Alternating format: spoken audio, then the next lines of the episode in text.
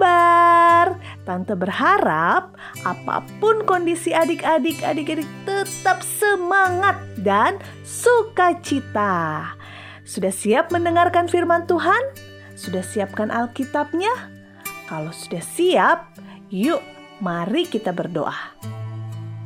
Terima kasih Tuhan, kami anak-anakmu saat ini siap untuk mendengarkan firman Tuhan.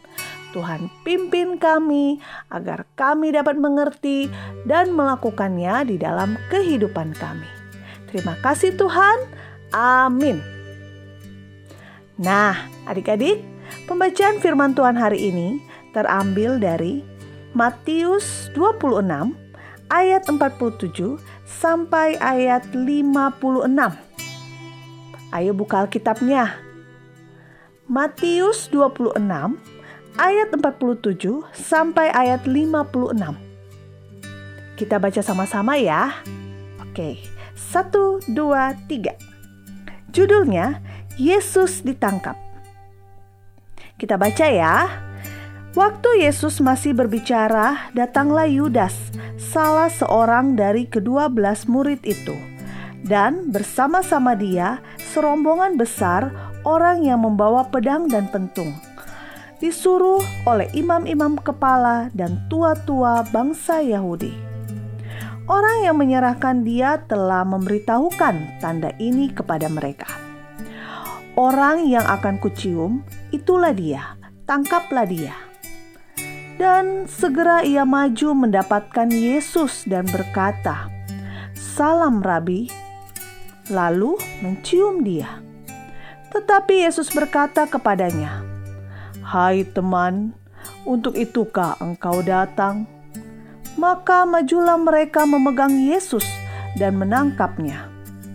Tetapi seorang dari mereka yang menyertai Yesus mengelurkan tangannya, menghunus pedangnya, dan menetakannya kepada hamba imam besar sehingga putus telinganya.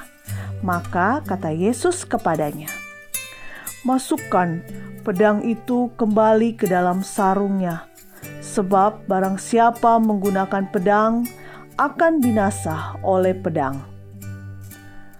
Atau kau sangka bahwa aku tidak dapat berseru kepada Bapakku supaya ia segera mengirim lebih dari dua belas pasukan malaikat membantu aku? Jika begitu, bagaimanakah akan digenapi yang tertulis dalam kitab suci yang mengatakan bahwa harus terjadi demikian?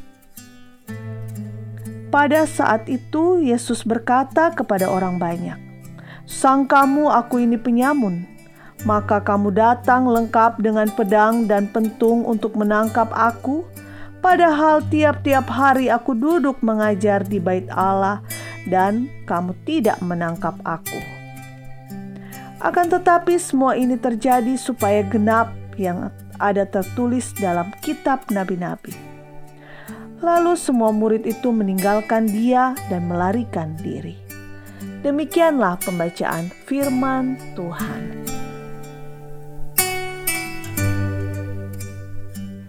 adik-adik yang dikasihi oleh Tuhan Yesus, melalui pembacaan firman Tuhan, kita melihat bahwa waktu di mana Tuhan Yesus dimuliakan melalui kematiannya di kayu salib sudah dekat, sudah tiba.